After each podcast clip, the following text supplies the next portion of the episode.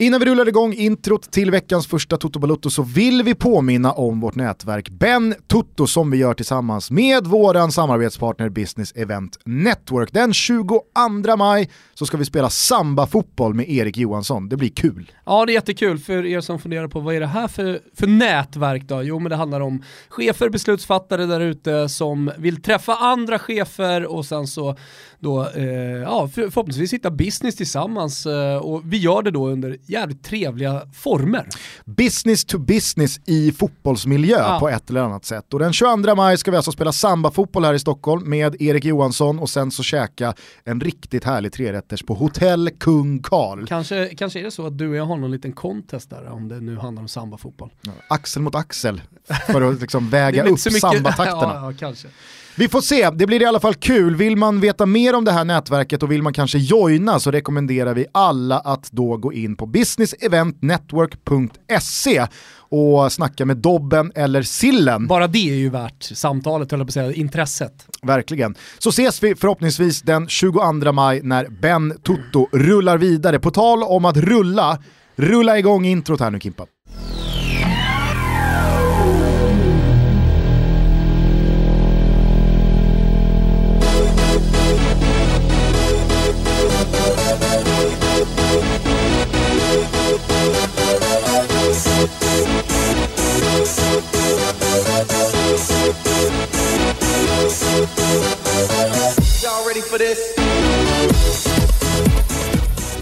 Yo, yo, yo! Välkomna till Toto Balutto. Ska vi kasta oss rakt in i den enorma respons som segmentet The Goal fick?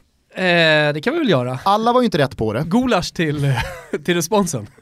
Ja, men både gulasch och schnitzel, alltså schnitzel till hur många som eh, hakade på, som började tänka. Schnitzel till kvantiteten. Ja, exakt. Gulasch till kvaliteten. De spridda skurarna ja. kan vi i alla fall summera Petter det som. Petter Hansson som någon slags lågvattenmärke. Ja, men att Petter Hansson brunkar in en kasse mot Grekland i EM 2008 De är, ju ett, det är ju ett, det är ett härligt mål, ja. det är ett historiskt mål som man minns med värme, men det är ju inte Petter Hanssons the goal, för att han ja. faller ju inte inom kriterierna med att man då ska vara globalt känd, man ska ha gjort en massa mål, man ska ha gjort många snygga mål men det ska vara då ett mål som sticker ut och definierar hela den här karriären, som blir omslagsbilden till den här spelarens karriär.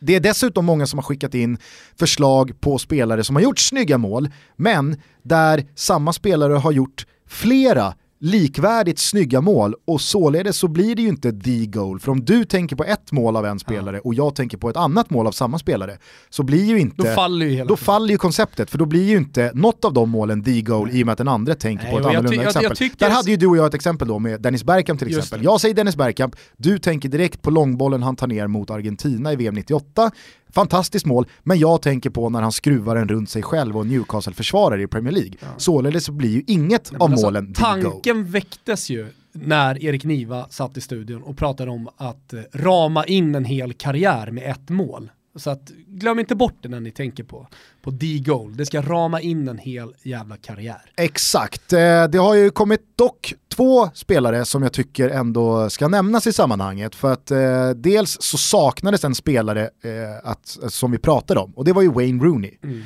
Det är ju såklart en spelare som har gjort många mål, han har gjort många snygga mål, det är en spelare som en hel fotbollsvärld har följt genom hela karriären. Och många vill ju då mena att eh, hans bicykleta mot Manchester City mm. eh, är hans the goal. Ett bra förslag, absolut. Det, det, det ger jag alla som har skickat in Wayne Rooney.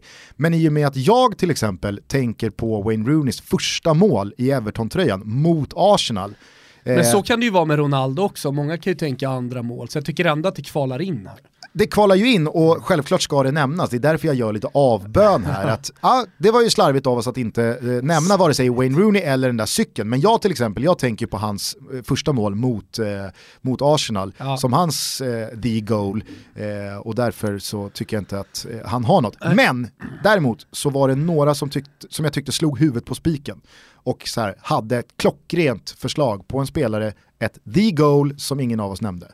Erik Cantona. Ja. Det kan du ju hålla med om. Ja, Chippen, målgesten, mm. den uppvinklade kragen.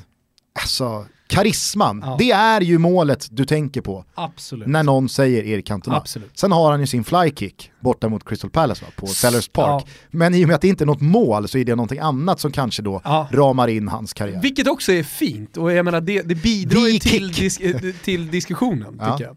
Men han har ju en the flykick Ja. och ett the goal. Ja. Så att eh, han singlar ut. Eh, är, det, är det någon annan spelare som du har gått och ruvat på under helgen här? Faktiskt inte, jag har lagt det lite till handlingar. Jag har följt diskussionerna. Ah, ja, okej. Eh, Måndagstutto, Ja, vår i luften. Ja, jag önskar att jag hade kunnat liksom, eh, vara helt i harmoni och vara glad, men jag, jag, jag har drabbats av en jävla sjuk grej Gusten. Mhm. Jag, vet inte fan, jag, jag, jag på morgonen och det här sker liksom, eh, det här, det här har hänt mig för tio år sedan, då hände det här. Och nu, nu har det börjat hända igen. Jag vaknar på morgonen och är helt klarvaken i huvudet. Är du med? Ja. Jag hör mina barn, jag hör Helena och sånt där, men jag är helt paralyserad. Jag är så totalt paralyserad i kroppen. Av, Nej, alltså jag är, jag är förlamad. ja, du Men kan jag inte helt- röra jag kan inte röra fysiskt. kroppen fysiskt. Men jag hör allt och är helt vaken. Och sen så efter, eh, och jag försöker tänka hjärnan så här, rör benen, rör armarna och får ju mer och mer panik. Liksom. Och sen precis när jag känner att så här, nu dör jag ungefär, då rycker jag till liksom i hela kroppen. Och så har jag inte vågat säga det här till Helena, för då vet jag, då, då kommer hon, ja, men typ, ja, du måste gå och reda ut det här, det, är- det här, är, det här är ju allvarligt. Så ja, Nej, jag säger det i Sveriges största sportpodd istället. Journal- ja, Journalen är ju ganska tjock redan. ja kanske det. Men eh, så är det, någon som, är det någon som vet vad det här är? Alltså, framförallt om det är ofarligt, så mejla då till totobalutta.gmail.com och säg det är lugnt Thomas. Maila vad som helst till den där adressen. Jag tycker det är kul eh, att eh, folk har inspel och tankar från alla olika håll Nej, och problemet kanter. med det är att jag vågar inte somna. Och sen somnar jag i alla fall på grund av utmattning, jag jobbar mycket och sitter och skriver Expressens VM-guide, så alltså förr eller senare så somnar jag. Men sen så, nu vaknar jag vid 3-4 har jag börjat göra, när jag inte är paralyserad. Och då vill jag inte somna om, utan då vill jag vänta ut det. Men så händer det då att jag somnar om och så vaknar jag då paralyserad eh, och tror att jag ska dö. Kanske är det någon slags Zlatan till LA Galaxy-effekt. Din kropp har ställt in eh, klockan på att nu är det dags för Kansas City. Ja, men varför måste jag vara förlamad? Det är jättekonstigt. Ja, jag vet Ja. inte. Eh, livet är outgrundligt, men för fan, svara Thomas, skräm gärna upp honom. Det vore kul. Eh, vill du höra ett svep av det som har hänt i helgen? Ja men kör då. Högt och lågt, deppigt och sprakande. Ja, så sammanfattar vi Premier League-helgen. Merseyside-derbyt mellan Liverpool och Everton blev temposvagt, tillknäppt och trött. Tvärt emot Manchester-derbyt några timmar senare. För det som såg ut som ett party längs en ljusblå Eriksgata blev istället en revansch för party pooper Paul Pogba. 2-0 blev 2-3 och även fast titelfirandet bara blev lite uppskjutet löper nu City en stor risk att pyspunka iväg den här säsongen. I Spanien blev förvisso Madrid-derbyt både välspelat och sevärt, men den riktiga intensiteten saknades och en utbytt Ronaldo efter dryga timmen och Diego Costa några minuter senare summerar väl ganska väl vart fokus egentligen ligger för de här två klubbarna. I och med Levantes seger mot Las Palmas känns nedflyttningsstriden ganska avgjord i La Primera, detta trots att Clarence Sedorf i fredags fick fira sin första seger som tränare för Deportivo. Kan vi få en liten fanfar Kimpa?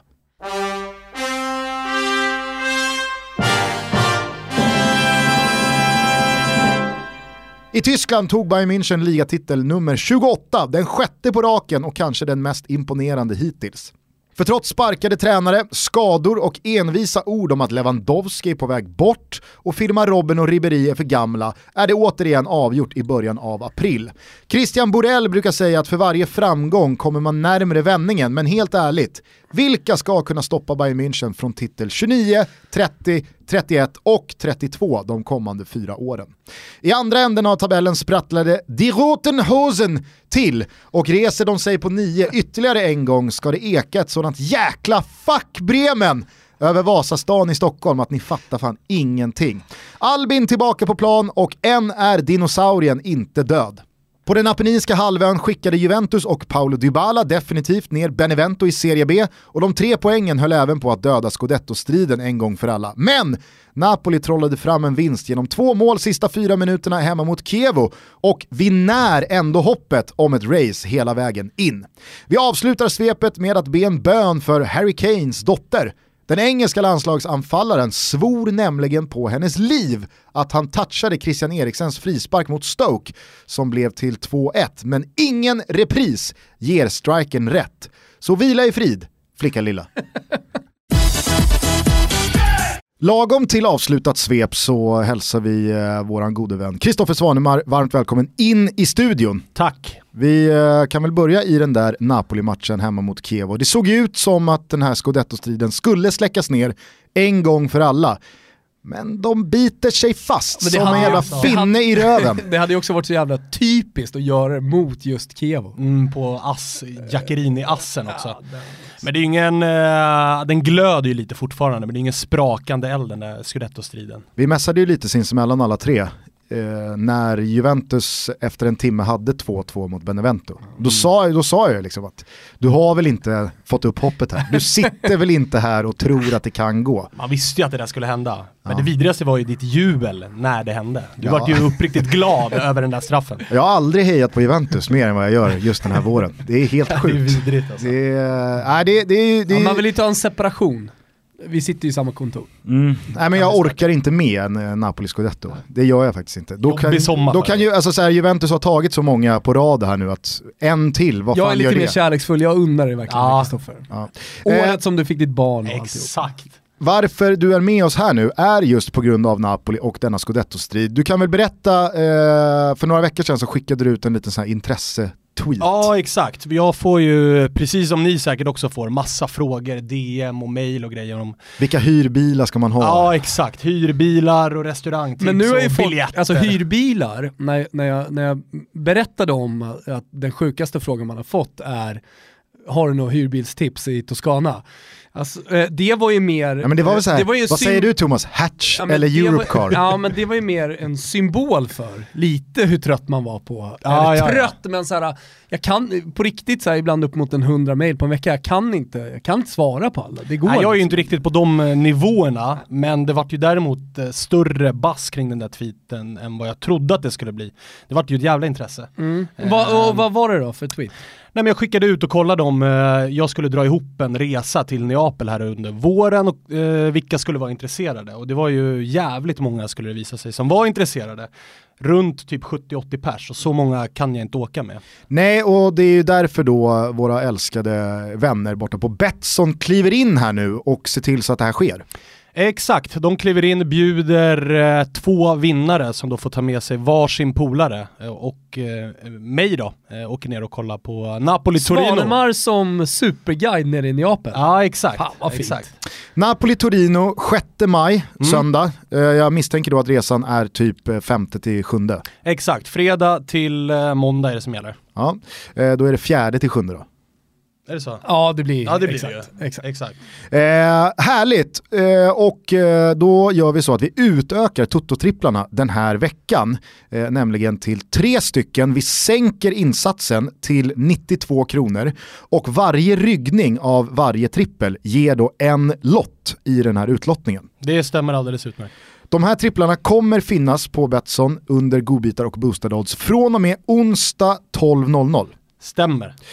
Och eh, vad kan man förvänta sig eh, från din sida eh, om man nu skulle bli en av de här lyckliga vinnarna?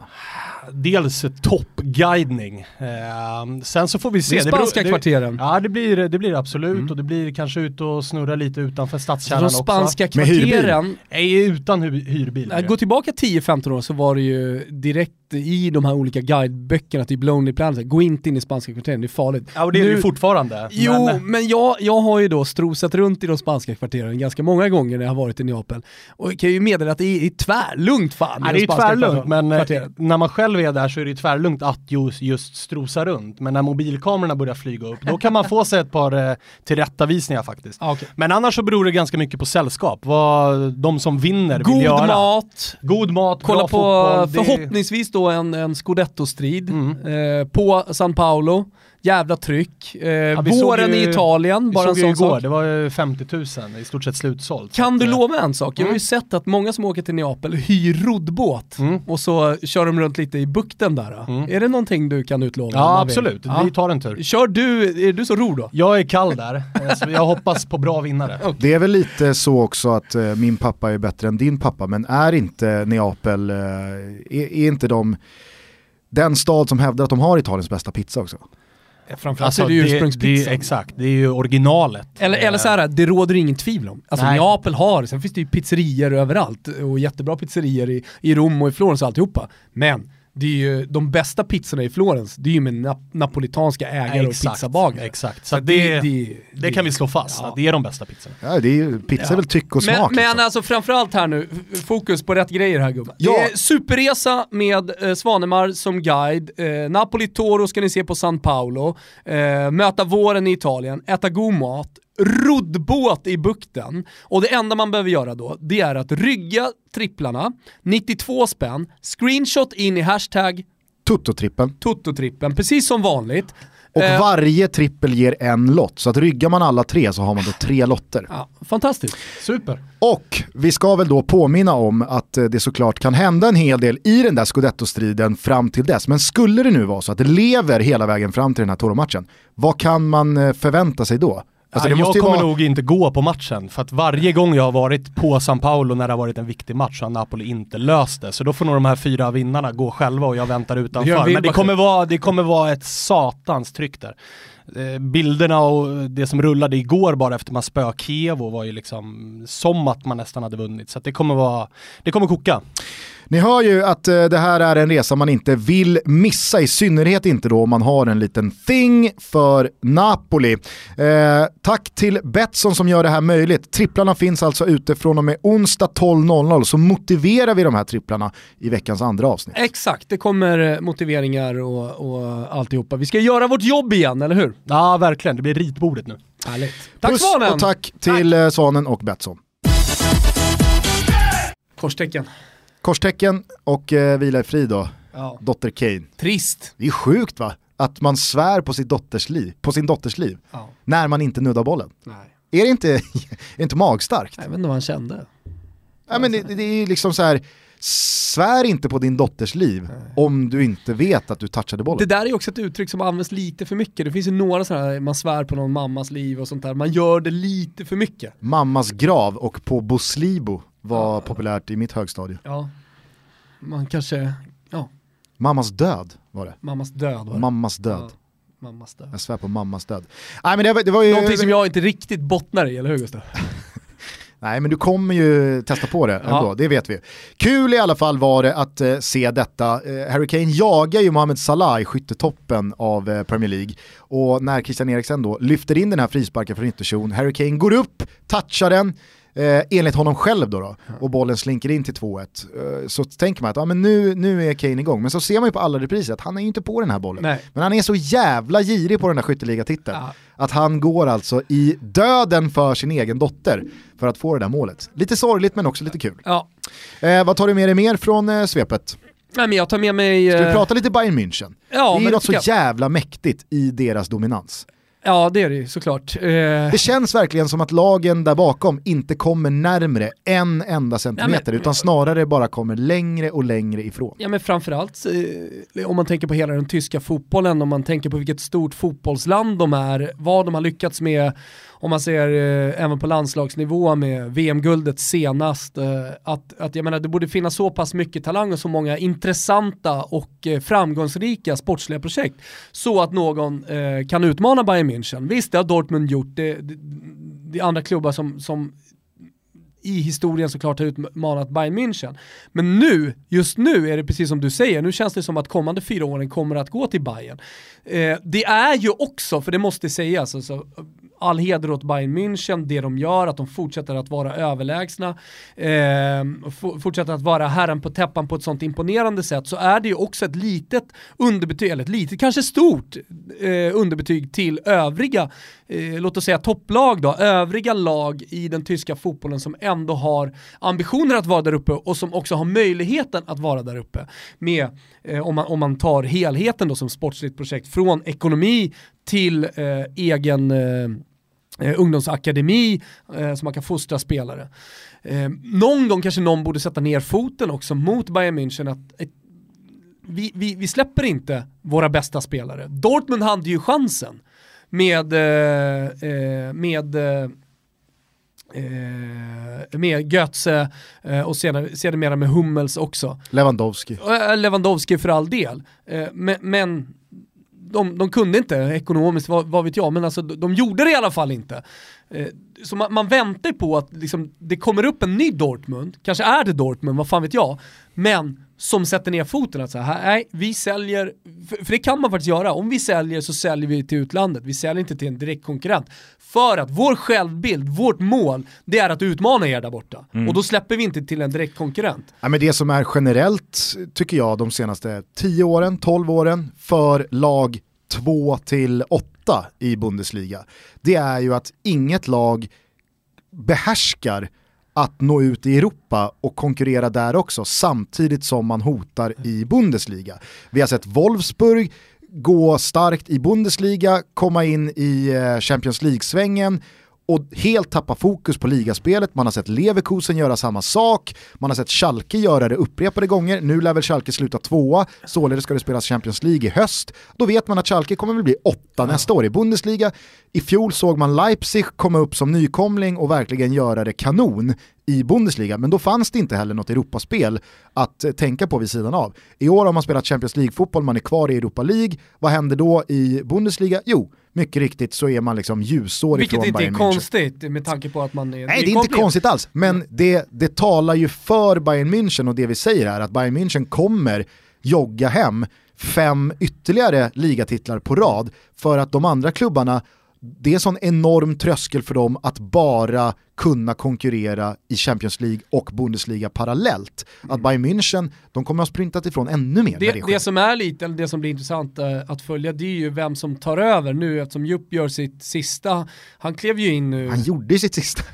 Det var ju det, alltså, såhär, det säger ju ännu mer om ja. den här titeln, att äh, vi tar in Jupp Heynckes 70 plus som har lagt av. Ja, och han, han har tagit dem till... Ja men det säger väl någonting om hur det han ser ut. Lär väl ta dem till semifinalen nu i Champions League och han har redan avgjort ligan. Det finns ingen garantitränare där ute heller att bara plocka de kanske har en masterplan så att eh, det, det, det har jag ingen aning om. Eh, men eh, om, om, man kollar på den tyska fotbollen, när den stod i Zenit, när vi pratade som mest om den tyska fotbollen i modern tid, det var ju i samband med VM-guldet såklart i Brasilien, men också när de tyska lagen med, eh, låt oss säga den offensiva, fröjdiga, roliga tyska fotbollen som tog hela Europa med storm.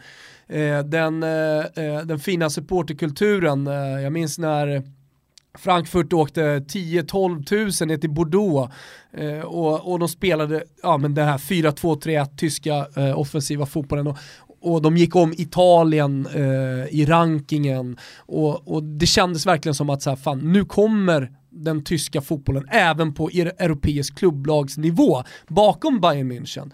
Men, men, men där, där tog det ju stopp liksom. Ja. Eh, de här klubbarna som låg precis bakom, de lyckades inte att bibehålla det där. Och kollar man på en klubb som verkligen har satsat emot det, så är det ju till exempel Hamburg som misslyckades totalt då och, och nu sitter i skiten istället. De valde Jens Tott som sportchef. då händer inte mycket. Nej, då händer det inte mycket. inte mycket. Nej men och sen en sak som jag tycker eh, man ska komma ihåg kring Leipzig just, så är det ju att det lag som målades ut som att nej, men det här är nästa stora utmanare till Bayern München. De har ju gjort det fantastiskt sportsligt i två år här nu i Bundesliga. Ja, nej, det... Ändå så är det liksom Keita ska till Liverpool, eh, Emil Forsberg, lagets andra stora stjärna, han liksom scoutas av Milan och Inter och det pratas om att han ska lämna. Jag har svårt att tro att Timo Werner spelar i Leipzig om två säsonger. Ja, så det, det, känns ju som att mm. eh, det laget står ju inför en jäkla utmaning att nu efter att succén har börjat mattas av lite kunna släppa sina bästa spelare och få fram ytterligare ett nytt lag som kan, konkurrera, Problem- kan konkurrera i toppen. Lite av den tyska, eh, jag som har, jag är född 79, följt med då mycket under 90-talet när det pumpades in extremt mycket pengar i den italienska fotbollen. Ett system, alltså om man säger ekonomiskt system som inte riktigt höll med rika presidenter eh, och det var många klubbar som föll i början på 2000-talet och sen så har det varit stålbad och så vidare. Tyska fotbollen med 51%-regeln har ju haft en helt annan, alltså låt oss säga att de, de har puttrat på på ett helt annat sätt eh, och de har aldrig behövt gå igenom ett, ett stålbad utan det har gått lite upp och ner sådär. Eh, men då hade man ju problemet att konkurrera om de största spelarna i Europa, eller de spelar generellt sett i Europa. Vart ska man gå någonstans? Nu när den italienska fotbollen har rest sig igen, det du nämner att Forsberg är intresserad av Milan-Inter, eller Milan i det här läget, varför, varför skulle han vara det? Jo, det är ju för att lönen är mycket högre, såklart. I, eh, alltså, jag har ingen aning om vad, vad Foppa känner själv med att bo i Milano kontra att bo i, i Leipzig. Men, men ändå, Har du varit i Leipzig? aldrig varit där faktiskt. Jag var ju där och träffade Emil Forsberg Ja. eh, med eh, superduper producenten från Discovery, John Witt. Var du där med John Witt? Ja, ja. Finns det här, då, då, då, är det ett, då är det ett rep som är bra va? Ja, ja. Ja, det är så bra det kan vara i en stad som Leipzig, en grå stad. Och alltid att göra en grå stad till någonting, alltså då, då får du ju lyfta fram det, det gråa. Jo, jo, men Du då var junior då på den tiden också Gustav, är fortfarande kanske. Du hade behövt mig. oavsett vad, Du behöver mig på sådana resor. oavsett vad, vilket eh, reportage i världen kan ju inte sminka över att Italien förmodligen lockar livsmässigt kontra jag? Säkert, Leipzig. Säkert, Milano. Eh, Men, men det jag skulle säga i alla fall att nu när eh, flera av de italienska klubbarna kan erbjuda ganska höga löner igen så blir det ju problem för lagen precis bakom, typ Leipzig, typ Schalke, att konkurrera om de här spelarna. Och det jag tycker är då den största skillnaden, och har varit även på 90-talet, men som, som vi, vi är tillbaka där igen, det är ju att spelarna bakom de stora, fortfarande jävligt bra spelare, nu väljer andra destinationer. Och då landar man på, och jag säger inte att, alltså, det är väl inte jättedåligt, men man landar på att man måste lita på sin egen talang, den tyska talangen. Det är det som är de, tysk, eh, det är det som är de tyska klubbarnas eh, framtid. Snarare än då att kunna värva in spetsspelare som höjer kvaliteten. Vet du vad som också talar för en eh, fortsatt dominans för Bayern München?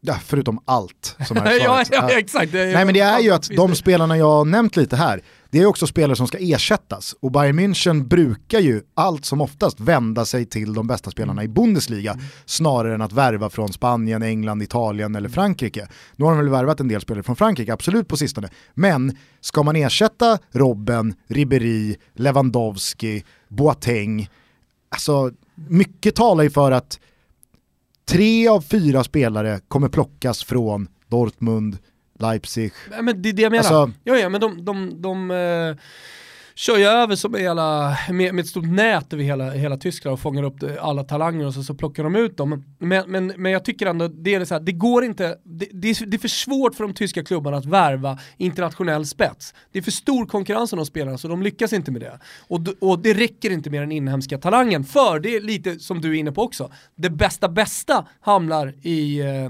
i, i Bayern München. Det bakom räcker inte till eh, för, för att liksom, ja men låt oss säga då det man kände 2014, att fortsätta att vara ligan eh, som utmanar även på europeisk eh, eh, internationell klubb, klubblagsnivå. Eh, ska vi eh, kort bara ta oss tillbaka till Etihad i lördags kväll? Mm. För det var ju faktiskt, jag skrev om det här på Fotbollskanalen, det var ju skönt att se en engelsk uppsnackad, uppskruvad derbymatch leva upp till förväntningarna. För det är ju betydligt fler än färre gånger senaste åren man har blivit besviken på de stora matcherna i Premier League. Det har varit avslaget, det har varit temposvagt, eh, det har inte Ja, funnits fanns ju- känslor vare sig på plan eller på läktaren i den utsträckningen man kan kräva. Och så kommer en sån Kräva här vet jag match inte, men önska i alla fall. önska eller kräva, vad fan, Ja. det, är väl, det är väl inte... Alltså, hade jag betalat 3000 spänn för att vara på läktaren, då kräver jag fan att det ska vara, då, då kräver jag att det ska vara lite jävla tryck på plan. Så, så du går och ordnar trycket då? Men det är bara att gå och ordna det. Ja, som du kan göra ibland på, på Friends Arena. Nej men eh, håll med mig om att det i alla fall var härligt att se en sån här match Absolut. verkligen både leva upp till och överträffa förväntningarna. Jo men det, det är det som är så härligt, alltså hela tiden när man pratar om fotboll så, så när man analyserar, eller analyserar, men när man landar i känslan efter matchen så är det alltid mot förväntningar man hade innan. Och här tycker jag det fanns ganska många ingredienser som talade för att det här skulle bli en ganska tempofattig match och således också målsnål. Med tanke på att, eh, ja men, visst Manchester United eh, kanske vill ja, men framförallt så vill de väl inte ge ligatiteln till Manchester City i ett derby. Eh, för hade City vunnit så hade de eh, varit matematiskt klara. Eh, så det fanns ju såklart som motivation, men annars, City som är mellan två stycken matcher där allt jävla fokus måste handla om returen mot Liverpool. Och Manchester United som trivs då om, om City går ner i tempo. Det var väl den främsta, eh, låt oss säga ingrediensen då, som jag tycker talar för att ja, men det, här kommer nog, det här kommer gå i Manchester United-tempo snarare än City-tempo. Ja, och ännu mer fick man ju det då när Citys laguppställning kom och en De Bruyne ja. bänkades för första gången i ligan va? Hittills ja. eh, ingen Agüero och så vidare. Så det var ju Men, verkligen, okej, okay, här ligger nog fokus på, eh, på, på tisdagen. Man är ju ganska glad att man inte fingrade på eh, hanen så att säga i halvtid och eh, utropade City och Pep Guardiola som överlägsna och Mourinho som död. Mm. För det var ju ändå många eh, experter eh, och många eh, fotbollssupportrar runt om i världen som gjorde. Mm då, eh, det var nästan som man satt och njöt lite i den andra halvleken, oavs- jag som neutral då. Eh, just eh, för att det var för många som hade totalt skjutit ut sig med ganska starka känslor kring Mourinho som coach till exempel.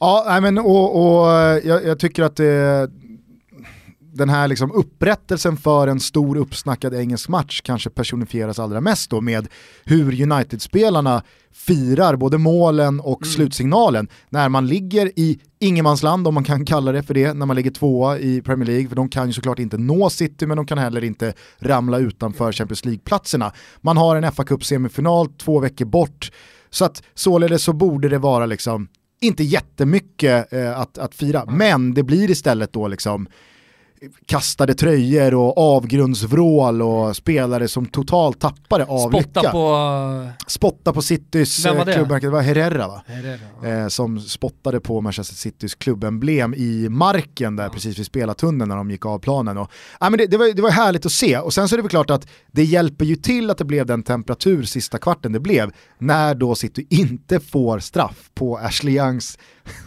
helt otroliga eh, satsning mot Kun Alltså det är ju det rödaste, liksom icke tillgivna röda kortet jag har sett på flera år. Ja. Visst, det finns ju några sådana här armbågar och skallar som man ser i eh, reprisbilder från hörner och ja, frisparkar som man inte ser av blotta ja, ögat. Eller att det är så gult kort, det blev ändå frispark, ja. borde ha varit rött. Exakt, men här ser man ju Ashley Young ladda från flera meter, han kommer med sträckt ben, uppvinklad sula, träffar ju Agüero uppe på skenbenet. Alltså att, att han spelar vidare är ju, det är ju ett litet mirakel i sig. Ja. Men alltså att det inte ens blir en signal, eh, det var ju helt jävla otroligt alltså. Sen visst, ful satsning från Fernandinho efteråt, men att det inte blir eh, straff eller ens något kort där är ju, det, det är ju... Ja, det är smått jag, otroligt. Det är smått otroligt men det, det gynnade ju också avslutningen på matchen och hela efterspelet, känslan man lämnades med eh, när, när matchen var över. Att fan det här blev så uppskruvat som man bara kunde hoppas att en sån här match skulle bli. Så det, det gjorde mig glad. Däremot så tycker jag att Glenn Strömberg eh, och eh, Anders Bjur mm. ringar in någonting som är jävligt problematiskt eh, en gång för alla i ett annat då icke-domslut. Och det är i första halvlek när Ashley Young, samma Ashley Young, halkar och med handen som då glider längs marken stoppar ett inspel, eh, jag tror att det är på väg mot Sterling va, för att eh, han ska bara raka in en, en kasse. Så frågar då Bjur, ska det vara straff?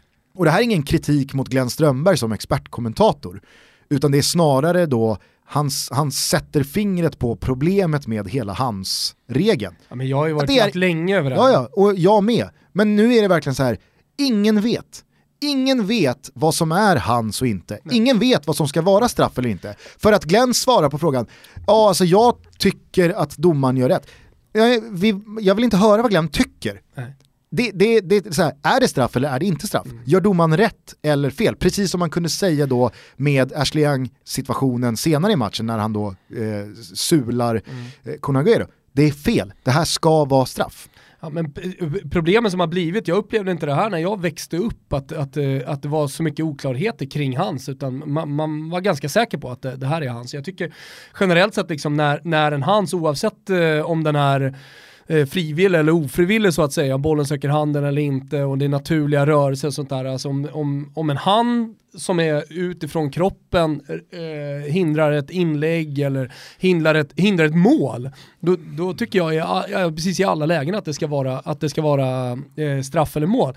Eh, I, i de fallen. Eh, mål kanske är väl, ja det är väl att ändra på regeln totalt då, men, men skitsamma. Alltså det här sker ju hela tiden, det sker i alla ligor och jag tycker att det råder så jävla total förvirring bland domarna. Det, det, det, finns ingen konsekvens i de här besluten. Sen så kan man ju också börja fundera på om, om spelarna faktiskt är lite sluga i det här fallet. Alltså, du ser ju fortfarande lirare, försvarare framförallt, som har händerna bakom ryggen. Du behöver inte ha det i det här läget. Naturlig position är ju det som räcker, det där är ju inte naturlig position. Om bollen tar på handen när du har den bakom, då tycker jag fan det är hans, för det där är onaturlig position. Mm. Ut med den för fan och som du spelar. Men, men, men jag, alltså, så var det ju alltid förut. Alltså, om, om handen i straffområdet är, är, står som en jävla bom och den tar på den, även om det är naturligt och bollen söker handen, så ska det fan vara straff för du ska inte ha din jävla hand där ute. Nej, men det är samma sak när bollen tar på handen när någon hoppar. Alltså, men, det ta... naturliga är ju inte att hoppa som ett, som ett spjut, alltså Nej. något ljushopp, att man hoppar rakt upp och ner. Utan... Ja, om du är domare, så, eller vad säger jag, om du är målvakt så är det naturligt. om du är Benevento-målvakt, då är det naturligt. Men annars är ju den naturliga rörelsen är ju att armarna lämnar kroppen när du ja, hoppar upp i luften. Guds hand idag hade ju varit helt okej okay som mål. det, det, är en stretch. Ja men vad fan, det hade ju inte stretch. varit helt jävla orimligt att det står en domare i mixad zon och säger ja fast det där är en naturlig rörelse. Så här, det är mer naturligt att eh, Maradonas hand är ovanför huvudet än att den hade varit ja, slickad längs ta kroppen. Ta det här han halkar och håller armen ut. Ja, som ja, du, här. Ja, ja, ja, ja, men du ser ju många försvarare som glidtacklar frivilligt och då är det ju naturligt att du, du, du, kan du kan inte glidtackla med händerna sträckta längs kroppen. Nej. Det, det går ju liksom inte. Alltså att du har handen här ute, frivilligt, och så tar den på handen, då tycker jag att det är straff. Ja, alltså det är klart som, här... För annars kan, du, annars kan du sätta det i system, för du märker ju nu, domarna blåser ju inte. Ja. Jag, Nej, jag du, du, ser varje helg, glidtacklingar i straffområdet mot ett inlägg som tar på handen, domaren blåser inte. Ja men bra, sätt det i system då. Jag har ju eh, i många, många år hävdat att det finns ingen regelbok vad gäller fotboll, utan det finns bara alla domare i världens egna tolkningar av den. Alltså det är ju så det blir. Nu kanske VAR kommer gå in och ändra på det eh, inom några år, att det, att det mer och mer finns en regelbok att förhålla sig till. Men än idag så är det ju fortfarande så att det handlar ju bara om hur domaren väljer att tolka situationen mm. snarare än att det finns ett konsensus. Men det problematiska kring handsregeln, det är ju att jag tror inte ens Jonas Eriksson kan sitta i en studio och säga det här är hans och det här är inte hans. Ingen vet längre Domare vet inte, spelare vet inte, kommentatorer vet inte, publik vet inte, utan det är verkligen, det är en tombola. Jaha, bollen tog på handen, nu ska vi se vad det blir. Exakt, och det är jävligt frustrerande.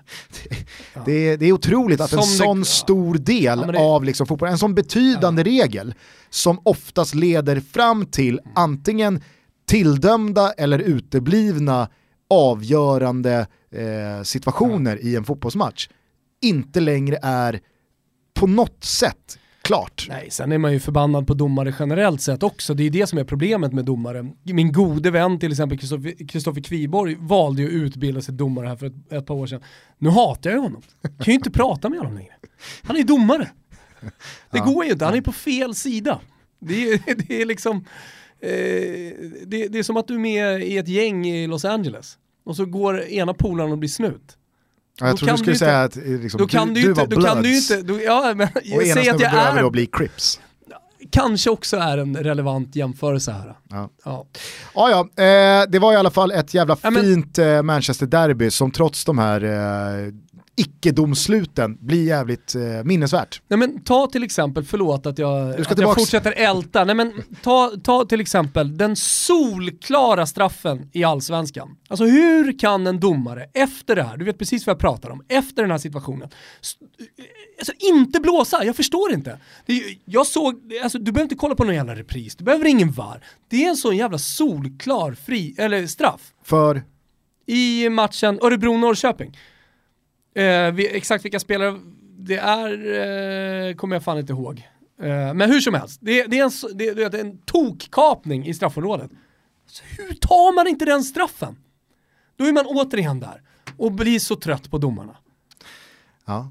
Och så har Nej. vi hans grejen och så har vi i, i, i kapningen Young här. Nej men och det vart ju en eh, ytterligare handsituation. Jag var, på, jag var på eh, Tele2 igår och såg Djurgården-Trelleborg. Där är det också en sån här handsituation mot slutet eh, på en Trelleborgsspelare i eh, eget straffområde. Där det inte blir straff. Men många minns säkert då eh, när eh, Bayern tilldöms en straff när Jesper Arvidsson får den på handen, eller armen ska sägas, eh, i en betydligt då mindre Ja. utsträckt från kroppen-aktig situation. Men där var ju Jonas Eriksson glasklar med att det är straff. Eh, men i Djurgården-Trelleborgs-matchen då så blir det inte straff. Nej, Alltså, det, det, det, är så här, det sköna vore bara att alla vet vad som är straff och inte och att en domare då säger det skulle varit straff, jag gjorde ett misstag, jag såg inte det. Det är sånt som händer. Sätter ner i alla förbund, domarförbund, internationella, lokala, Järfällas egna, ni kan också sätta ner, allihopa sätter ner och bestämmer en gång för alla, vad fan är det som gäller? Punkt! Vad är hans? Men vi måste gå vidare, vi kan inte prata om det här längre. Får jag bara säga någonting kort då eh, om eh, Djurgården-Trelleborg på Tele2. Inte mycket att säga om matchen. Jag eh, kan summera den som att Trelleborg kommer vara så jobbiga att möta som de själva har liksom, eh, uttryckt att det, kom, att det kommer bli. Ja, Eh, både på bortaplan och eh, hemmaplan. Men eh, det man ta- tar med sig spelmässigt från Djurgården det är ju att de jävlar vad den här Jura från Armenien, han eh, kan ju inte bli fit for fight eh, snabbt nog alltså. nej. För det saknas ju verkligen tyngd och En pusselbit. Ja, i detta Det Djurgården. väldigt tydligt. Eh, men jag vill bara säga någonting kort om eh, Kim Källströms avtackningsceremoni. Vi pratade ju om Nisse Johansson som blev avtackad här för en dryg vecka sedan i AIKs hemmapremiär och igår var det så dags för eh, Djurgården att säga hej då till Kim Källström. Det var ju många som eh, hånade Djurgården och Kim Källström då som legendar i och med att han så här bara, inom citationstecken, har gjort 79 matcher i Djurgården säga vad man vill om det, det är väl klart att jag kan ju också tycka att eh, 79 matcher inte Men vadå, smäller är så ni- högt i antal siffra. Fast, fast eh, eh, vad, är det, vad är det man jämför med då? Eller så, här, vad är okej? Vad, sitter, vad sätter vi ribban någonstans? Jag har alltid problem med det här, att sätta så här, eh, subjektiva ribbor från motståndarsupportrar. Alltså det där bestämmer väl Djurgårdssupportrarna själva hur mycket han betyder. Och sen, sen vad alla andra tycker, objektivt som, som tittar utifrån, det spelar ingen som helst jävla roll. Nej nej, och Utan jag, det där bestämmer bara Djurgårdarna hur de känner in i sina hjärtan för den spelaren. Exakt. Precis som det kommer eh, precis samma sak som det gör för Örebro, Trelleborg, Manchester United eller vilken jävla klubb det nu är. Det är de som har sina känslor och det är de som bestämmer om de vill tacka av eller inte. Men fan är det att sitta utifrån? Jag jag vet att vi håller på med det så extremt mycket i Allsvenskan här nu. Jag ser Martin Åslund som, som twittrar känslosamt om domslut och så vidare. Han kan inte göra det, för att då sitter det 500 000 andra twittrar och, och, och, och liksom tolkar det som att det finns en AIK-vinkel. Det här, är, det här är inte exklusivt för, för Martin Åslund, det finns andra också, som hela tiden ska liksom tolka in. Det är väl ashärligt att Martin sitter och twittrar öppenhjärtligt om ett domslut i Malmö FF mot Örebro, oavsett vilket håll han, han tycker om. Det, alltid behöver inte finnas en AIK-koppling i det där läget. Alltså jag tycker att det blir för mycket av det här jävla eh, småtjafset hela tiden. Och man ska alltid hitta den här egna klubbvinkeln på sin, på sin tweet. Lägg ner det bara. mm, absolut. Samtidigt skulle jag då bara vilja eh, inflika här att jag tror inte heller att alla de Djurgårdarna som stod på Tele2 stod och hyllade och tackade Kim Källström för att han har kommit upp i den enorma siffran 79 matcher för Djurgården, utan det är ju för vad han har uträttat under de här 79 matcherna i Djurgården som gör honom till en legendar som förtjänar eh, ett, eh, ett stort och pampigt eh, avtackande på Tele2. Han har ju på sina tre säsonger i Djurgården, två SM-guld, han har ett cupguld också. Eh, han kommer tillbaka efter en lång och framgångsrik eh, utlandskarriär, lagkapten, tar dem till en tredjeplats. Han har spelat tre säsonger i Djurgården. Men det är ju ingen som står där och applåderar för att wow, Kim Källström gjorde 79 matcher i klubben, så att jag är helt med dig här. Det är så trött att ta den vinkeln på det. Vet du vad? Jag skulle kunna gå tillbaka och säga, jag var ju eh, högst delaktig under, under deras eh, framgångssäsonger med Kim Källström, Isaksson, Elmander och så vidare när de vann. Och var du högst delaktig?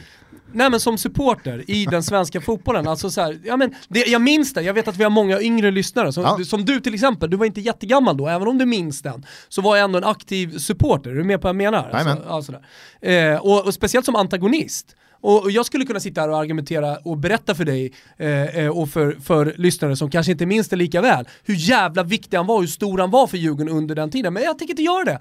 Jag, om Djurgårdarna känner så här i sina hjärtan, skitfint. Kör avtackning, varför ska någon ens överhuvudtaget bry sig? Ja, alltså. Varför ska någon överhuvudtaget bry sig om vad fan de gör i sitt eget jävla hus? Ja, bry sig kan man väl göra, men... Nej, man, det ska de inte. Man de ska väl, inte bry sig. Man kan väl bry sig? De kan för fan, nej, det är deras hus. Nej. Det är deras spelare. Nej. Det är deras spelare. Och de gör vad de vill. Precis ja. som alla andra klubbar gör vad fan de vill med sina spelare. Eh, har du läst in någon slags så här att eh, jag tycker annorlunda här? Verkligen inte. Nej, vad bra, vad bra. För att jag var ju där på plats, eh, sek dock att man hamnar på, om det var Fotbollskanalen eller Sportbladets liksom artikelbild, när det är en bild på Kim Källström, när han står med mikrofonen i handen, då står ju jag på läktaren bakom Kim Källström Nej. och tittar ner i telefonen. En dålig bild. Nej. Skriver du månne till mig då? Nej, jag skrev en tweet om då en bild på Kim Källström, jag skriver liksom, det är ju meta, jag skriver från andra hållet, skickar jag ut på Twitter, hans citat då att, eh, att komma hem och avsluta min karriär på hemmaplan var det bästa beslutet jag tog i hela min karriär. Det skickar jag ut, då bränner Sportbladet eller om det är Fotbollskanalen av sin Aj. artikelbild och sen så blev det då en, liksom, folk skickar ut den här twittern med mig inringad. Så här, ja jävlar vad de bryr sig. Kanske var det han, Synd alltså. Vad, vad han heter den här legendariska, även om han är ung så är han redan legendarisk fotograf, eh, frilansfotograf tror jag, men, men ändå åt, eh, åt bladet då. Eh, Vix, nej, heter han Wikström? Han som, ja. han som eh, Bolt Som lånade tog... ut kameran till Bolt. Precis, ja. precis. Var det kanske han då? Wikström eller Wixén? Jimmy? Ja, Jimmy Johnny. Wix, ja. Jimmy, Jonny, Wixén eller Wikström. Jimmy Wix någonting. Ja, någonting. Ja, ja. Ah, jag vet inte vem det var som tog det binner, men det var, det var ju synd i alla fall att jag i tre sekunder tittade ner i telefonen under den avtackningen. Satan man vet att det bara... kommer en bok från eh, Jimmy, Jonny, Wix. Ja. Eh, lite senare om, om uh, hans relation, som säkerligen också fortsätter med Bolt, de hörs titt som tätt. Det skulle inte förvåna mig. Kanske. Ja. Är för övrigt inte det ett tecken på att Dortmund också bara liksom backar från Bayern München för varje dag som går. Att Usain Bolt är i träning där borta. Men det kommer ju så här riktigt trött träningsmatchmål som Bolt gjorde. Eh, och eftersom det är en stor klubb så kommenteras ju och livesänds ju de här matcherna också. Eh, och Bolt nickar in. Trött nick, målvakt som inte rör på sig. Offside tror jag det var, fast de körde smålagsspel, körde väl utan offside. Och världen jublar. Mm. Nu kommer han här just nu. Han kommer aldrig spela i Bundesliga. Vad upprörd jag är nu. Eh, det jag bara skulle vilja landa i här är att jag tyckte att det var en väldigt fin ceremoni. Det var, det var värdigt, Härligt. det var lagom långt, det var ett känslosamt tal från Kim Källström. Det kändes som att han hade liksom vägt sina ord väl på en silvervåg. Han sa inte för lite, han sa inte för mycket. Hans röst sprack så det blev liksom emotionellt. Han tog sina två små döttrar i handen och gick ett eh, varv då på hela den fullsatta halva planen. Eh, det, var, det, var liksom inget stort och pampigt tifo från Sofia-läktaren utan det var en banderoll där det stod tack för allt Kim och sen så rullade den här Kim Källström, han spelar fotboll som en dröm, ramsan.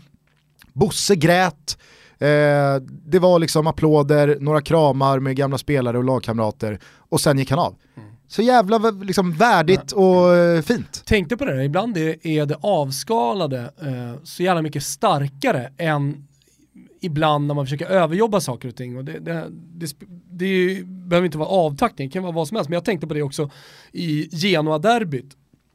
Där eh, Sampdoria-kurvan eh, då kör bara sto alltså, ganska stora flaggor men över hela sektionen.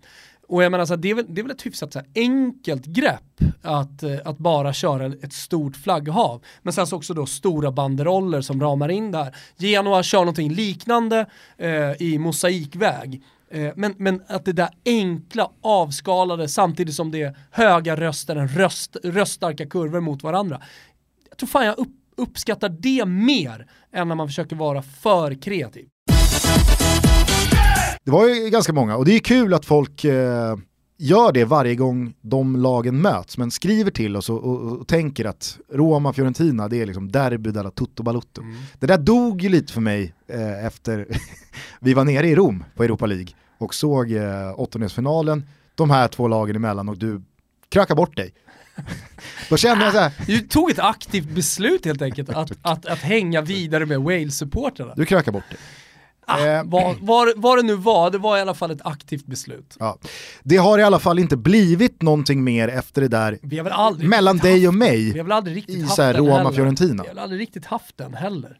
Ja, det var ju någon alltså, gång så här, vet du vad jag tycker? Vet du vad jag tycker? För mig är det så starkt, alltså den matchen. Vi åkte ju ändå ner till Roma-Fiorentina i Europa League. Jo, jo, och du krökade bort det med ett par walesare. Ja, men, men alltså, så här, för matchen. mig är Roma-Fiorentina så stark, nästan på samma nivå som eh, Juventus-mötet eh, och har varit och, och du vet, jag, jag har känt den matchen som man brukar säga så här, en vecka innan. Eh, så jag känner, jag känner så här, skulle jag verkligen lägga känslor i det i en vänskapsrelation som, eh, som med dig, då, då, alltså då, då, då, då kommer vi till den nivån att, eh, att jag på riktigt vill vill hoppa dig på huvudet, alltså på, om, om, om vi skulle börja käbbla med varandra. Och då, bildligt talat, så, självklart, inte bokstavligt.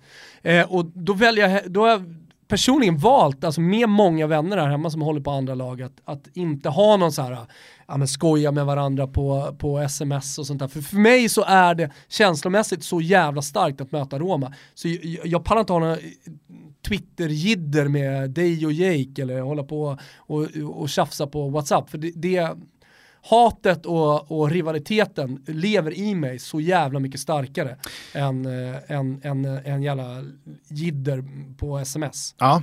Ja men det tror jag nog en del eh, lyssnare har förstått då när vi har försökt förklara. Nej men det, vi har inte gjort det till en sån stor grej oss sinsemellan. Däremot så var det väldigt speciella förutsättningar. Den här gången lagen möttes. I och med Davide Astori spelade i Roma innan han kom till Fiorentina och nu har det ju bara gått en dryg månad sedan han gick bort. Och nu möttes man. Eh, det som eh, verkligen, verkligen ska lyftas här är ju den styrka Fiorentina har ja, men, hittat i det här och uppbringat till en fotbollsmässig kvalitet man inte har visat hittills under säsongen och nu alltså har fem raka segrar sen bortgången, en seger innan Astoris eh, död, mm. är eh, nu alltså sex raka ligasegrar. Och det är väl som du skrev på Twitter, eh, det är bara andra gången i klubbens historia man har sex raka Serie A-segrar. Mm, stämmer. Och det är ja, 48 år sedan senast. Men det är ju, det är ju otroligt att man i det här läget mm hittar Person, kraft och kvalitet till fem raka. Personifierat då av den största floppvärvningen av dem alla som alla har trott väldigt mycket på. Återigen då, eh, utifrån sina förväntningar. Eh, Saponara, Ricky Saponara kom till Fiorentina, landade i vad det verkade, alltså här pratar vi om en uppburen talang som många gått och väntat på, inte lyckats i stora klubbarna, kommer hem till Empoli eh, och alltid gjort det bra där och sen så landade han i Fiorentina, återigen då, så var det lite för stort för honom. Det, det, det gick inte, någon skada för mycket självklart också, men det har varit en stor besvikelse. Eh, hela det här upprycket då sportsligt eh, har eller personifieras av Saponara som har varit fullständigt briljant. Och att han då dessutom är bäste vän med, eller var bäste vän med, eh, det känns han, nästan som att han lever i alla bilder och allting som, som skrivs och eh, som sjungs på läktarna och sånt där. Det känns, känns verkligen som att han är med eh, i de här matcherna.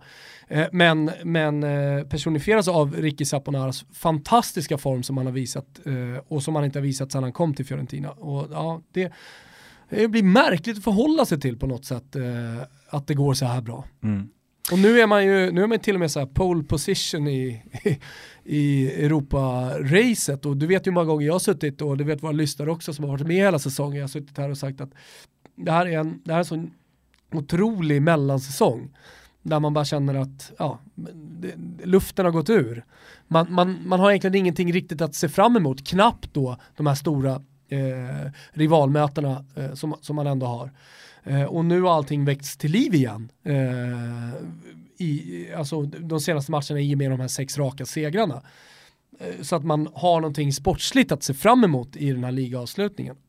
Det hade inte hänt om, om inte Astoris, Astoris bortgång hade skett. Men du. Så, så man har samlat krafter. Fio, vilket jävla pissgäng ändå. ja. Jag, säger, jag håller bara med där, ja. Nej men Pioli är fin, Pioli har någonting, och kanske är det så faktiskt att, ja, eh, att hela klubben, för nu är Diego Dalla Valle, nu är bröderna tillbaka, pratas om att man inte, man ska ta då bort klubben från, från blocket, där man har då satt ut dem till försäljning och att man istället då ska i, i Astoris namn satsa, bygga ny arena, att, eh, att bröderna är tillbaka eh, och sådär. Eh, vore det så så, ja, det är ju att hedra, hedra en, en människa på ett fint sätt tycker jag. Hör du, innan vi eh, knyter ihop säcken för dagen så vet jag att du eh, har ruvat på en gammal spelare som eh, har slagit dig med häpnad. Nej jag vet inte om man har ruvat speciellt mycket. Men ibland du har så, ruvat på honom. Jag vet inte om, man, om jag har gjort det speciellt mycket, men däremot så studsade en spelare upp. Det gör ju det ibland. Sådär, vad fan. Spelar han fortfarande? Alltså den typen av, av lirare. Nu vet, vet, du, vet en sån spelare? Äh. Ryan Babel. Ja, Spelar där. han fortfarande? Ja, och vi har varit inne på det lite tidigare, men nu, nu läste jag bara en notis som fladdrade förbi att eh, Obafemi, Oba Oba, Obafemi Martins var skadad.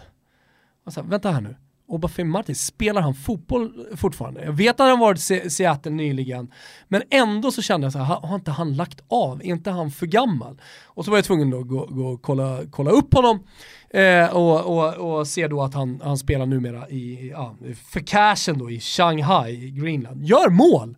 Fortfarande. Gjorde väldigt mycket mål säger jag då också för Seattle Sounders. Säger ju en hel del om eh, hur bra koll man har haft på eh, MLS de senaste åren. Ehm, eh, men han är i alla fall skadad och så börjar jag fundera liksom på hans karriär. Hur kan han fortfarande spela? För för mig så var Obafemi Martins slut när han, eh, när han i något läge lämnade Newcastle. Alltså det var så här, Inter... Det var väl många som menade på att det tog slut redan under tiden i Newcastle. Ja men det tog slut lite där och så började jag så här fundera, eller bli tvungen att kolla upp. Ja men så har han varit i Wolfsburg, han har varit i Ruben Kazan, han kom till Birmingham City, Levante och då studsade det upp så här, ja just fan Levante, för att när, när han var i Levante, då kom romansryktena eh, att han var ihop med eh, Balotellis syrra. Mm -hmm. eh, och eh, ofta när det är romansrykten eh, mellan fotbollsspelare och då kända kvinnor, jag vet inte hur känd Balotellis eh, syrra, kanske inte så känd, men eh, hon är i alla fall Balotellis syrra, mitt eh, under brinnande eh, why always me-tider liksom för, för Balotelli så, så, så, var hon ju ändå ett namn så att säga. Eh, och att Balotelli gick in och kritiserade typ att de var tillsammans. Han, han gillade inte. Jag tror han var öppen med det också, att han inte gillade att Obafemi Martins var ihop med syra. Varför det nu är så, fan vet jag. Men, men de fick sedermera ett eh, kärleksbarn. Ett kärleksbarn också? Ja, ja visst. Ja. Uh, uh, jag vet inte om de är ihop fortfarande. Balotellis syrra som jag inte ens har namnet på. Och Obafemi Martins. Men i alla fall, där studsar han upp. Men, men Innan du går vidare bara ja. med Oba Obas karriär, mm. uh, så ska jag säga det nu när hans namn nämns. jag har sett att du har gett jakande svar till dem på Twitter som tycker att Balotelli har ett D-goal. Alltså när han smäller in den eh, i krysset bakom Neuer i EM 12. Jag tycker det, i och med firandet eh, så tycker jag att han har D-goal. Ja, kanske har då alltså Balotelli ett D-goal. Mm. Mm. Tillbaka Eh, till Oba nej, Oba. Men, men, Oba men, men, och sådana här spelare, det jag, tycker, det jag tycker är roligt när man börjar kolla på spelare som man tycker har försvunnit, det är ju när man, ja men då börjar man minnas dem, alltså tiden i Inter. Och eh, nu har väl Obafemi kanske inte ett D-goal, eh, men han har i alla fall en D-thing. Målgesten. Målgesten fan var tidig med den. Ja. Volterna. Han, volterna. Han körde Som flera stycken, frigymnast. frigymnast. Och snabbheten. Ja, ja, ja, herregud. Ja. Snabbheten och volterna, spänsten i volterna. Det är kanske det som är hans grej då. Spänsten i volterna. Det, spänsten i volterna var större än snabbheten på planen. Jag kan salta nu, men jag vill minnas att jag har sett Oba Oba fira ett mål med en dubbelvolt. Det har han gjort. Visst Vi har han säger att han, ja, jag tror fan han har gjort ett dubbelvolt. Ja, det är Men otroligt. jag ska Men- säga det kring Obafemi Martins och just rykten, att när han började gå ner sig lite i Newcastle, då kom det ju då envisa rykten, som det ibland gör kring framförallt då afrikanska spelare, eh, och i det här fallet också nigerianska spelare, för att Taribo West hade ju fått kläskott för det här några år innan, att han var yngre i passet än vad han egentligen var. Och samma sak sa ju om Obafemi Martins där när han började gå lite tyngre i Newcastle att jo, jo, men eh, det sägs ju att han är eh, 32. Det, det, han ska vara 26, men det ser ju alla att den här killen är inte 26 utan han är 32. Men han har ju, han har bevisat sig att han fan hänger i när han då fortfarande 2018 ändå spelar, om än på Shanghai-nivå. Exakt. Eh, men Taribo West, det kan man ju se på våran eh, Instagram om man scrollar tillbaka några månader. Det finns en bild på Taribo West idag. Ja, Han ser ut att vara 68 år. ja ja, det är sjukt. Eh, vet du vad jag kan tänka mig? En spelare som kommer, kommer en liknande bild om några år. Spelar han fortfarande? Det är ju eh, eh, din gubbe i Roma. Gervinho, Jaha, för att använda Husfeldts eh, Ja. uttal. jag vet inte fan om det var min gubbe. Nej, men det kanske han inte var. Men hur som helst, spelar han fortfarande? Han kommer ju dyka upp med tanke på pannbandet och det hårfästet som satt i nacken. Ja, kanske men- då dyka upp och se väldigt, väldigt mycket äldre ut. Framförallt Utan så, pannband. framförallt så kommer det komma en sån generation spelare i och med att så många idag och sen en två år tillbaka har lämnat europeisk fotboll för den betydligt mindre uppmärksammade asiatiska fotbollen. Så att ta en sån spelare som Oscar eller eh, Witzel, alltså det är ju spelare som lämnade den högsta nivån europeisk fotboll när de var, vadå, 26? Alltså de kommer ju spela om säkert 7-8 år, men då har det gått 10 år sedan de lämnade, så då kommer man ju verkligen liksom, wow, spelar de här snubbarna fortfarande? Ja, och Gervinho är en sån spelare eh, som man om två år då kanske, när han spelar fortfarande, undrar, jaha, lirar han fortfarande? Hur som helst, eh, det, det funkar så för mig när jag börjar kolla då på Obafemi Martins, eh, där slår ju min vetgirighet in. Det räcker med att jag går in på, på Wikipedia och så ser jag första klubben som han var i, Reggiana. Och då ska ju de inte förknippas med Regina. Eh, Regina från södra Italien, Reggio di Calabria. Reggiana, Många äldre svenska män som har haft knepigt med det där på italienska stryktipset en gång i tiden. en gång i tiden, jag tror att Reggiana då, som är från Reggio Emilia, och Reggio Emilia är ju då i eh, eh, Parma-trakterna för de som inte riktigt har koll, Sassuolo-trakten om man så vill. Eh, 97 så var de i Serie A, eller åkte ur Serie A senast. Så att det, det, det, det här är en klubb med anor och med tradition. Eh, det, det är en klubb som hade alltså 10 000 eh, supportrar med sig upp när man mötte Milan borta till exempel, för att ta ett, eh, ett eh, e-, exempel bara. En stor klubb från, från trakten, från Emilia-Romagna-trakten, eh, som eh, då eh, åkte på det här stålbadet som vi pratade om tidigare eh, när vi jämförde tysk fotboll och italiensk fotboll och aldrig riktigt har rest sig efter det. Eh, vetgirigheten eh, slog in, eh, jag vet att de är i scen, jag vet att Mike Piazza är där och så vidare, men ändå tvungen att, ja men du vet, gå in och kolla vad fan, hur går det för Reggiana, vad är det som händer och så vidare. Och landar i en jävligt skön intervju med just Mike Piazza, har du koll på honom eller? Ah, du kan väl eh, för allas skull ta en liten kort Ja, brief nej men så här, Mike Piazza. Ja, och Reggiana. Fem, Parma, pl- fem plus namn för övrigt. Alltså inåt helvete 5 plus namn. Alltså heter man Mike Piazza då vet man att det kommer bli framgångsrikt eh, på ett eller annat sätt. Eh, men eh, Reggiana, efter Parma skulle jag säga, i trakten där, så är det eh, det absolut största laget. Stålbadet och alltihopa, sen kommer ju då djävulen Sassuolo med en av Italiens absolut rikaste och politiskt, eh, i alla fall näringslivspolitiskt, eh, viktigaste män, Giorgio Squincy, också polare med Berlusconi, kommer in, köper Sassuolo, gör en Östersundsgrej, liksom tar sig hela vägen upp på väldigt kort tid, markerar ofta under hela den här tiden från serie eh, eller till och med Eccellenza, liksom lägre serier, markerar hela tiden mot makten, får domslut med sig, eh, markerar att ah, men här blev det fel, här blev det fel, man, man känner att det här är en politiskt tung gubbe och det vet man i det italienska fotbollssystemet så väger sånt, man visste, eh, väger sånt tungt. Man visste att George Squincy skulle ta Sassuolo förr eller senare upp till eh, Serie A. Men man gör en jävligt ful grej på vägen här. Eh, och det, det, är det som föranleder den här intervjun, eller presskonferensen med Mike Piazza. Eh, man gör en jävligt ful grej. Eh, man bygger en ny arena på 90-talet. Kommunen som äger den. Innan du fortsätter, ja. fick vi en kort brief på Mike Piazza? Nej men det kommer, Eller, det kommer, det kommer, okay. det kommer, det kommer. Jag tänker bara, vad sa Thomas om Mike Piazza? Han sa ja, ingenting. Det kommer, det kommer, lugn. Eh, nej men, eh, eh, bygger, bygger man en arena, eh, en bra arena, en av få liksom, bra arenor, ägs fortfarande av kommunen.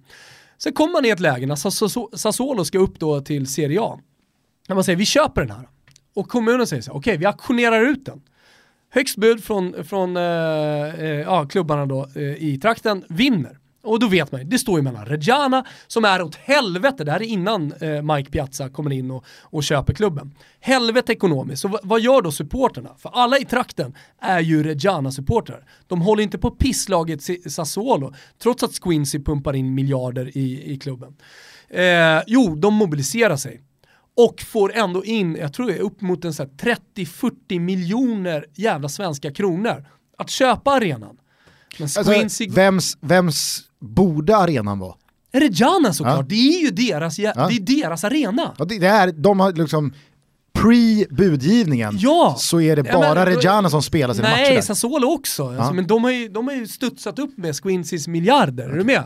När kommer Mapei in i bilden? Ja, men det är ju Squincy, alltså Mapei, jo, jo, gamla men, cykelstallet. Nej, jag menar arenan. Alltså. Ja, men det är det, det, dit jag kommer. Aha. Eh, men då, då, alltså, han, han öppnar ju knappt liksom sitt schweiziska bankkonto. Han tar ju från plånboken och bara vinner aktionen. Så att arenan ägs nu av Sassuolo. Jag tror man pröjsar, äh, men säg att han pröjsade, nu får någon äh, Italienrunkare liksom rätta om jag har fel, men säg 50 miljoner kronor. Behövde inte bygga den, stod färdig, allting, kan hyra ut den här då till konserter, för den ligger, man ska veta den ligger i ett slags nav. Så det är inte Mapei Stadium vi pratar jo, men, om? Jo, jo, vi pratar om Mapei Stadium. okay. men vänta, lugn nu. Du, du är för ivrig här. Ja, ja. Det, Mapei Stadium kan vi säga, det, det, är det den heter nu, för det är det namnet som George Squincy har gett den. Men det jag ska säga bara att den ligger i ett perfekt geografiskt läge för konserter till exempel, för det ligger mitt i Italien väldigt mycket människor som från många stora städer kan ta sig dit. Så att jag menar så här, uppsidan för eh, de som vinner budgivningen är ju enorm på att hyra ut den då. Eh, Georgius Quincy vinner eh, budgivningen med plånboken, han tar upp, cashar väl den där, eh, behöver inte ens öppna bankfacket och eh, eh arenan ägs liksom, behöver inte bygga eller någonting. Och han döper eh, arenan till Mapei Stadium, Mapei som är hans eh, stora då, eh, företag sysslar ju med kakel och klinkers och allting som hör där till. Reggiana, Du har väl stöttat där. det här lite va? Jag du har väl ett badrum dansk... hemma, i, eh, hemma i Rönninge In, som eh, är Mapei? Jag har våt, eh, vad säger man, våtrumsgips har jag från eh, Mapei på övervåningen. Men Lite på undervåningen, danskt. Ja, det är ungefär riva upp hela det jävla badrummet. För övrigt så satt ju hantverkaren som var där. Satt Fadde? Eh, alltså det enda man vet när, när du gör ett badrum, det enda som är viktigt, typ, det är att du avslutar hela bygget bra och sätter golvbrunn och allting rätt så att det blir korrekt. Så att det är upp och ner. Var det eh, samma äh, snubbe som eh, eh, skulle skruva upp din nya tv men skruvade upp den gamla? Ja, exakt. Eh, den nya stod under, den skulle skruva, skruvas upp. Hur som helst, eh, en anledning till att jag, att jag, att jag verkligen avskyr Sassuolo och, och önskar dem allt ont är på grund av det här. Men lyssna på det här nu. Reggiana köps av Mike Piazza. Mike Piazza, vem är det? Jo, alla som kan sin baseball, det är en baseball-legendar.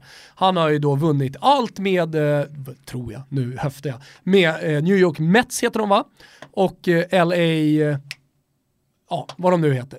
Alltså superlegendar, alltså, sitter på rekord och allt möjligt. Heter Eh, inte eh, New York Yankees? Nej, för fan. Sluta nu. Mets på baseball. Skojar du eller? Nej. Yankees är väl för fan New det- Yorks baseballlag? Nej. Nej, nu vet du, men skit i det, det hör inte till. Och jag har inga problem. Nej jag måste, vad, jag Gustav? måste fan, jag måste fan vad, ta att Yankees är baseball. Jag, och, och jag älskar att, vi, att du och jag sitter där och inte kollar upp sånt, vi klipper inte bort sånt, utan jag, jag är inte en susning. Nej men lyssna här nu. Jag säger Lyssna här. Mets, men vad fan vet jag? Kanske har de två bas- baseballlag, jag har ingen aning. Nej, Mets är basket. Ja, ja, ja, Mike Piazza kanske var basketspelare då? Alltså, Nej, Giants är ju fotboll. Giants är, ju, ja, men, Skitsamma. kan vi inte bara, kan vi inte bara liksom, i det här vara då transparenta? Giants är fot, eh, alltså Okej. amerikansk fotbollslaget. Ja, Eh, Yankees är eh, baseball. ja, okej. Vad är Mets då? Mets är nog fan också baseball. Ja men det, ja, då är jag inte fel, då har vi båda rätt. Jag tänker på Nets, Brooklyn Nets. Det är ju eh, också basket. Och sen så har du Islanders och Rangers i Just hockey. Just det. Ja. Men Yankees är baseball, Mets kanske också är baseball. Fan George Costanza jobbar ju för New York Yankees i många säsonger. Och sen så är det nog fan Mets som vill värva honom. Ja, Ja du ser, då, då finns det två klubbar. Det är ju inte orimligt att det finns eh, två baseballklubbar i Så en så stor stad. Eh, hur som helst med sina italienska rötter så har han varit inne och fingrat då på att ta över olika klubbar. Till slut så landar han i Reggiana. Vad gör då Giorgio Squincy och Sassuolo? Jo, de tar ut ockerhyra på eh, Sassuolo, eh, eller på Mapei Stadium. Den enda arenan de kan lira på. Så att nu sitter, nu sitter Mike Piazza och pröjsar enorma summor pengar till Giorgio Squincy för att hyra in sig för att kunna spela sina jävla matcher. i serie C. C. Yes. Som då för eh, folk som inte kan italienska ligasystemet numera är tredje divisionen igen. Yes. Det har ju varit lite, Ja men det var hette lägga pro innan, men det är egentligen skitsamma. Hur som helst, det här föranleder, alltså från Obafemi Martin så landar jag i den här presskonferensen när han toklackar på Giorgio Squincy och Sassuolo. Och jag tycker att liksom den, här, den här presskonferensen får, får då förhoppningsvis fungera som någon slags näring till alla som har känt att eh, Sassuolo som åkte med 10 supportrar till bortamatchen, som dessutom var kvällsmatch 2045 söndag, eh, eh, mot Milan på självaste San Siro. Enkel tågresa, går snabbt att åka upp. Ett riktigt pisslag som bara ska åka ur Serie A. Förhoppningsvis så funkar det här surret och eh, presskonferensen med Mike Piazza, hans hat emot Giorgio Squincy och Sassuolo och sättet de behandlar den här anrika fina föreningen Reggiana på just nu. Eh, så, så, att, så att vi då kan kanske bli en liten rörelse emot Sassuolo och det jävla sättet de håller på med där nere i i Emilia. As I've said, we've reorganized this company. We've invested in this community. I've moved my family here, my children here, to be part of this community. And we deserve respect. We are not going to be pushed around by a multi billion dollar corporation. The stadium was built for this team by these people.